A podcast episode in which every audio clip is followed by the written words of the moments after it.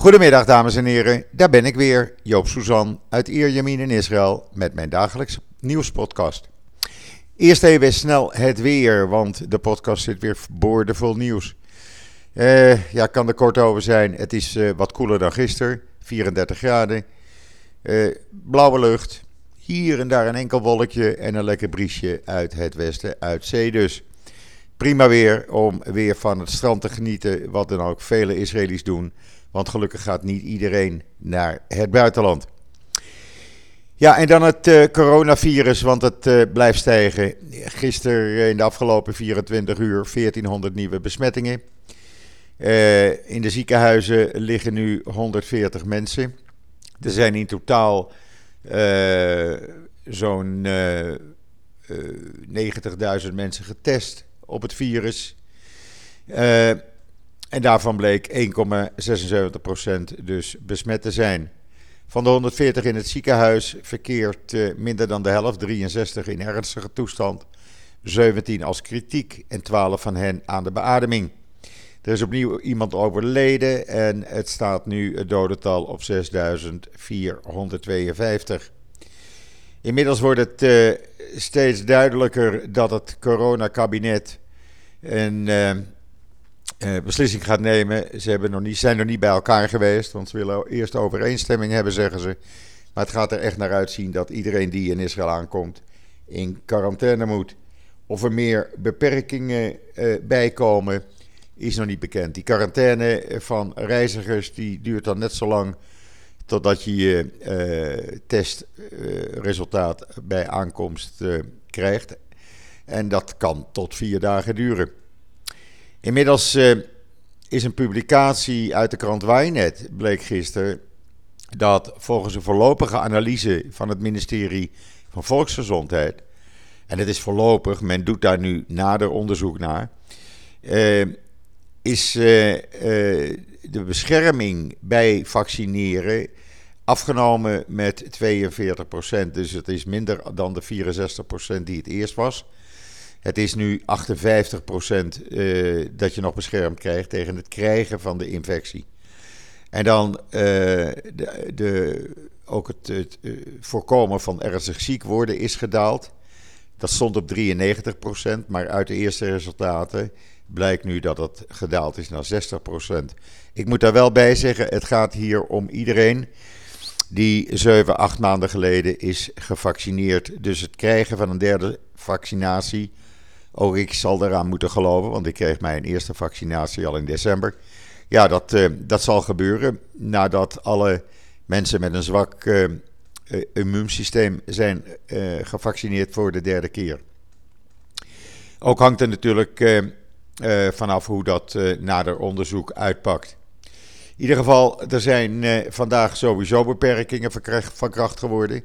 Die gelden dan hoofdzakelijk voor bezoekers van evenementen en bruiloften met meer dan 100 aanwezigen. Betekent dat het groene paspoort voor die evenementen en bruiloften weer wordt uh, ingesteld of is ingesteld. Uh, niet gevaccineerden of diegenen die zijn hersteld van uh, COVID-19, die moeten een negatieve test kunnen tonen.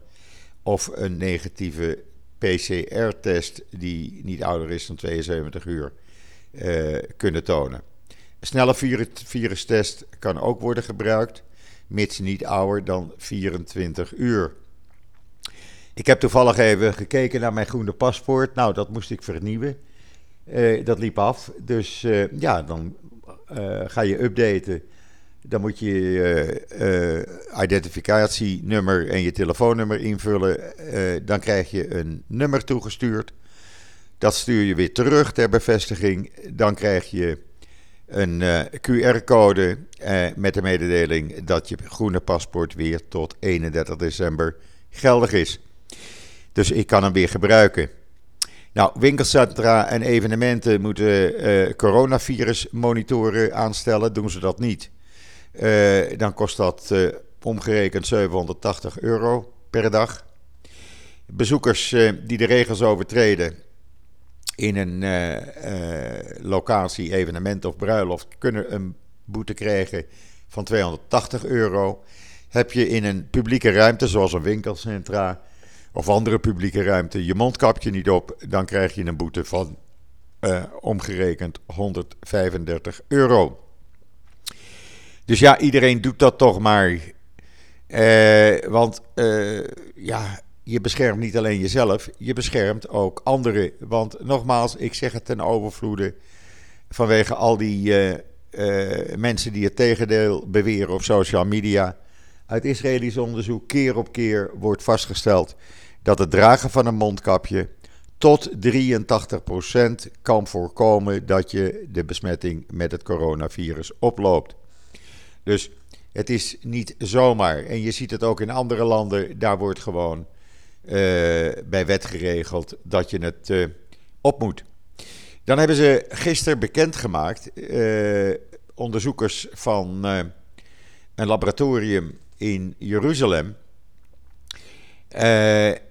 wetenschappers die zeggen: hey, tijdens onze testen en het zoeken naar 3000 medicijnen, of we medicijnen kunnen, bestaande medicijnen kunnen gebruiken tegen het coronavirus, zijn er drie naar voren gekomen die inderdaad goede resultaten, bijna 100% resultaat opleveren bij gebruik tegen COVID-19. Dat is het kankergeneesmiddel flumatinib, een uh, medicijn tegen HIV en een ander medicijn met de naam Darapladip. Uh, dat wordt uh, gebruikt voor atherosclerose. En die werken dus tegen het coronavirus. Nou, men is nu als een gek bezig om daar het hele onderzoek zeg maar af te ronden. En dan, ja, dan zullen ze advies vragen of toestemming vragen van de FDA. En hier natuurlijk volksgezondheid. Dat deze medicijnen kunnen worden ingezet. En dan heb je geen vaccin meer nodig. Dat is natuurlijk hartstikke goed nieuws. Wat minder goed nieuws is dat van de 1400 nieuwe besmettingen. er minimaal 150 terugkwamen. Uh, 150 waren. van mensen die uit het buitenland terugkwamen. Waaronder een aantal uit Nederland die eh, besmet bleken te zijn. Uh, eh, 35 kwamen er besmet uit Griekenland terug, 15 uit Amerika, 15 uit Cyprus, 12 uit Turkije, 10 uit Georgië, 5 uit Engeland, 4 uit Italië, 3 uit Duitsland. Nou ja, ga zo maar door. Uh, daar wordt dus nu veel strenger op gecontroleerd bij aankomst op het vliegveld. Want ja, die mensen uh, ze reizen. Ze kunnen dus tijdens het reizen ook iemand uh, besmet maken. En nog afgezien van het feit, als die mensen met de trein, bus of taxi teruggaan naar hun huis. Nou, dan ben je toch helemaal in de aap gelogeerd. Uh, of je wordt door familie gehaald terwijl je niet weet dat je uh, besmet bent. Dus het is heel goed dat die controles steeds strenger worden op het vliegveld Ben Gurion. En ja, ondanks de oproepen van iedereen, regering, noem maar op Ga niet naar het buitenland. Gaan er toch gemiddeld zo'n 30.000 mensen naar het buitenland. Nou is dat aanmerkelijk minder als wat het in een normaal jaar zou zijn. Want dan waren de dagen van 100, 150.000 passagiers die elke dag weggingen. Bij Israëli's, ja, voor Israëli's is het heel belangrijk even het land uit te gaan. Uh, er is hier altijd wel wat aan de hand. Even naar een andere omgeving. Even rust aan de kop. Uh, Gelukkig blijven de meeste mensen thuis, zoeken ander vertier op het strand, gaan de natuur in, naar het noorden, naar de Negev. Of gaan een winkelcentrum in, want dat winkelcentrum bij mij, nou, ik kan jullie zeggen, dat zit hartstikke vol elke dag weer. Daar komt ook bij dat de Arabische inwoners vier dagen feest hebben, het offerfeest. Die werken dus ook niet. Nou, die gaan ook met hele families het winkelcentra in, of ze gaan naar het strand. In ieder geval, het is te merken. Even een slokje water, want dat moet ook af en toe gebeuren. Maar zo werkt dat in Israël. Oh ja, wat ook in Israël werkt, is de gelijkheid. Want ze hebben inmiddels namelijk weer uh, vier Israëlische uh, Joden opgepakt.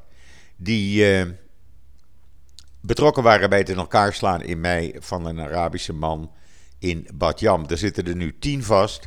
Er wordt dus geen onderscheid gemaakt. En die worden allemaal voor de rechter gebracht binnenkort. En krijgen een ja, lange straf denk ik, want die beelden die waren afschuwelijk. We hebben ze al tig keren gezien. Die man wordt uit zijn auto gesleurd, wordt op de grond gesmeten, wordt in elkaar getrapt en, en zijn auto in de fik gestoken. Nou ja, die gasten echt sluit ze voor lange tijd op. Er was er gisteren iets heel moois. U kunt dat zien met video op israelnieuws.nl vanzelfsprekend. Een uh, internationale groep parachutisten, waaronder van de IDF, maakte een parachutesprong boven Slovenië ter nagedachtenis aan de parachutisten van de Joodse gemeenschap en op de honderdste verjaardag van de geboorte van de eerste Joodse vrouwelijke parachutist en verzetstrijdster, uh, Hanna Senes. Die kwam daar vandaan. En dat is een prachtige sprong geworden met de Israëlische vlag natuurlijk, met figuren, ze hielden elkaar vast. Uh, men sprong van ongeveer 3,7 kilometer hoogte. Uh, er namen allerlei uh, commandanten en voormalige commandanten aan mee.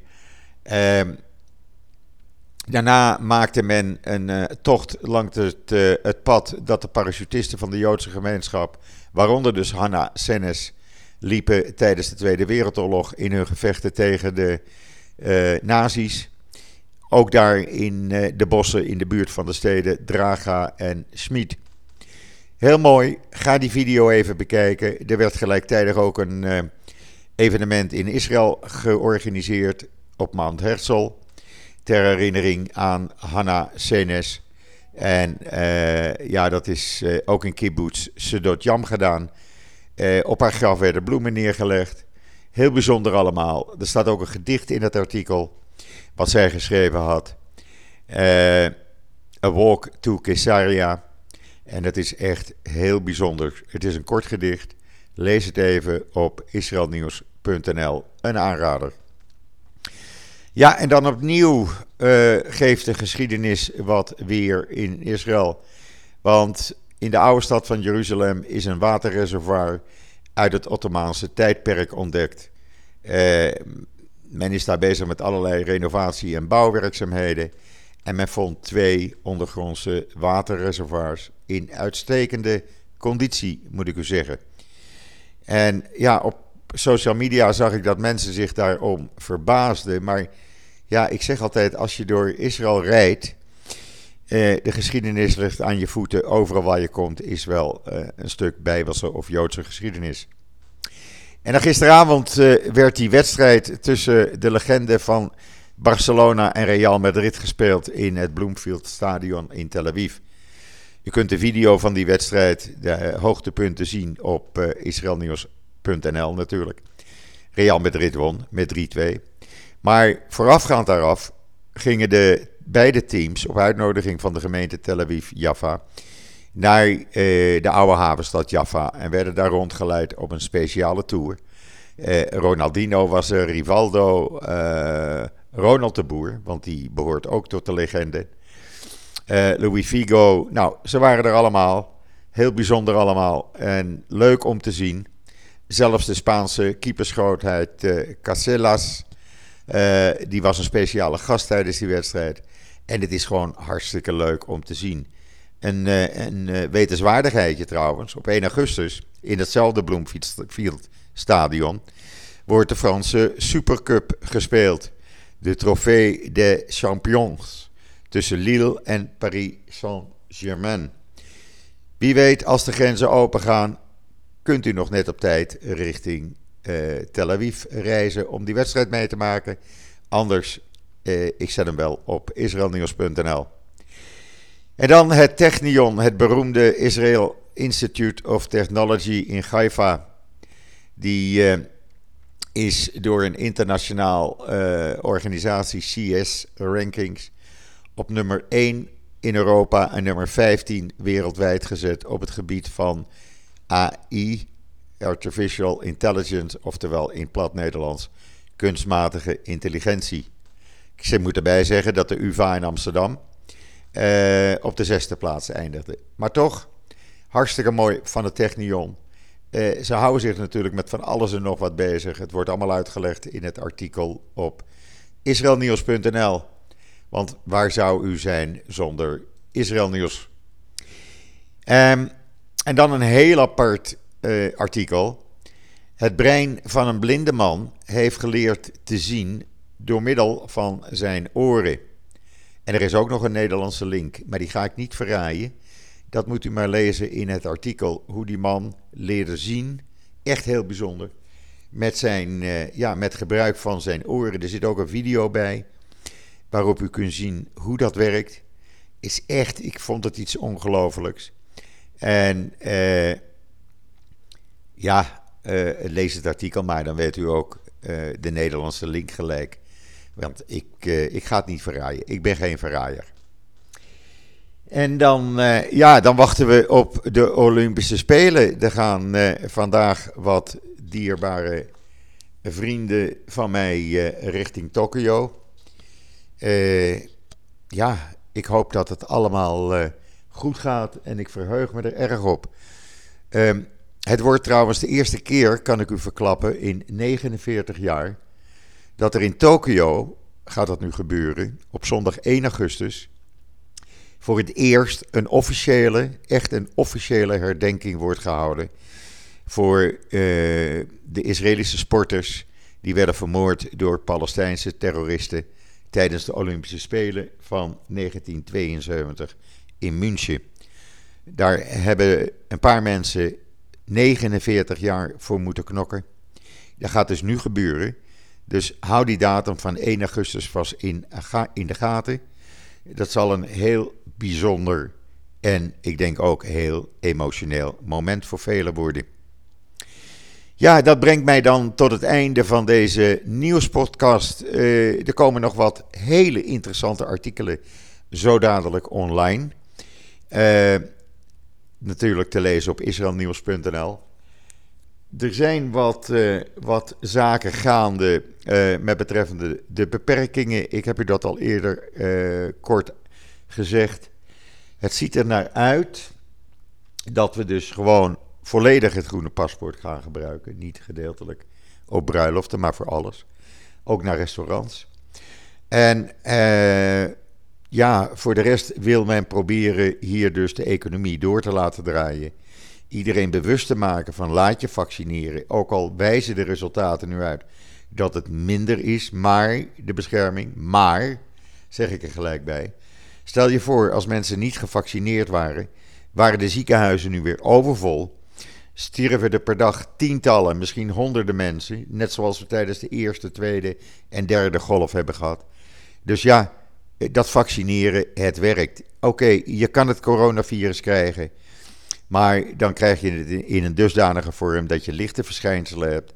En een aantal dagen thuis moet uitzieken in quarantaine. Nou, dat is altijd nog tien keer of honderd keer beter dan op een coronavirusafdeling in een ziekenhuis terecht te komen. Dus eh, nogmaals, draag dat mondkapje. Wij moeten het hier zelfs nu in het appartementengebouw doen. Ik heb u dat gisteren al gezegd.